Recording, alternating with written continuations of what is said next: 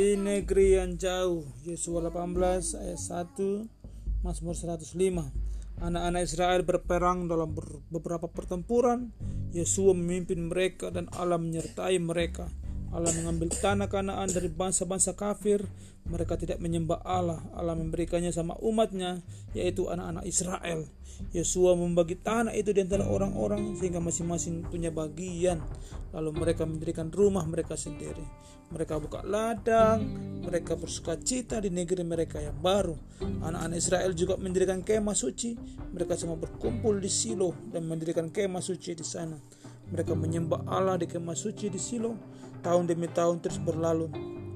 Yosua sudah menjadi sangat tua. Ia sadar bahwa ia tidak lama lagi ia akan meninggal. Jadi satu hari ia menyuruh kumpul semua orang Israel. Orang-orang datang sama Yosua. Mereka berdiri di halaman suatu kerumunan yang sangat besar. Yosua adalah seorang yang tua yang baik. Orang-orang senang mendengarkannya. Yosua berpidato katanya.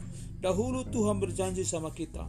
Berjanji sama Abraham bahwa ia akan memberikan tanah ini kepadamu. Ia sudah menempati janjinya. Tuhan sudah menepati janjinya. Ia membawamu keluar dari Mesir. Ia membawa jalan bagimu melintasi Laut Merah. Ia mengusir semua orang-orang kafir dari tanah ini. Ia memberikan tanah ini sama kita. Sekarang kamu harus memilih siapa yang akan kamu layani. Apakah kamu akan melayani berhala-berhala orang yang dulu tinggal di sini? Atau menyembah Tuhan Allah kita? Dan Yesus menambahkan, kalau aku dan keluargaku, kami akan melayani Tuhan Orang banyak itu menjawab, Ya Yesua, kami tidak akan melayani berhala berhala. Kami akan melayani Tuhan. Tuhan Allah membawa kami keluar dari Mesir. Kami akan melayaninya, dibilangnya.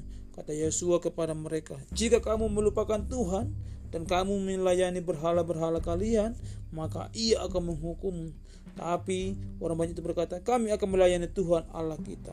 Kami akan menuruti perintahnya. Lalu Yesus mengambil sebuah batu yang besar. Ia menegakkan di bawah pohon yang besar. Ini pohonnya. Ada batu didirikan di sana.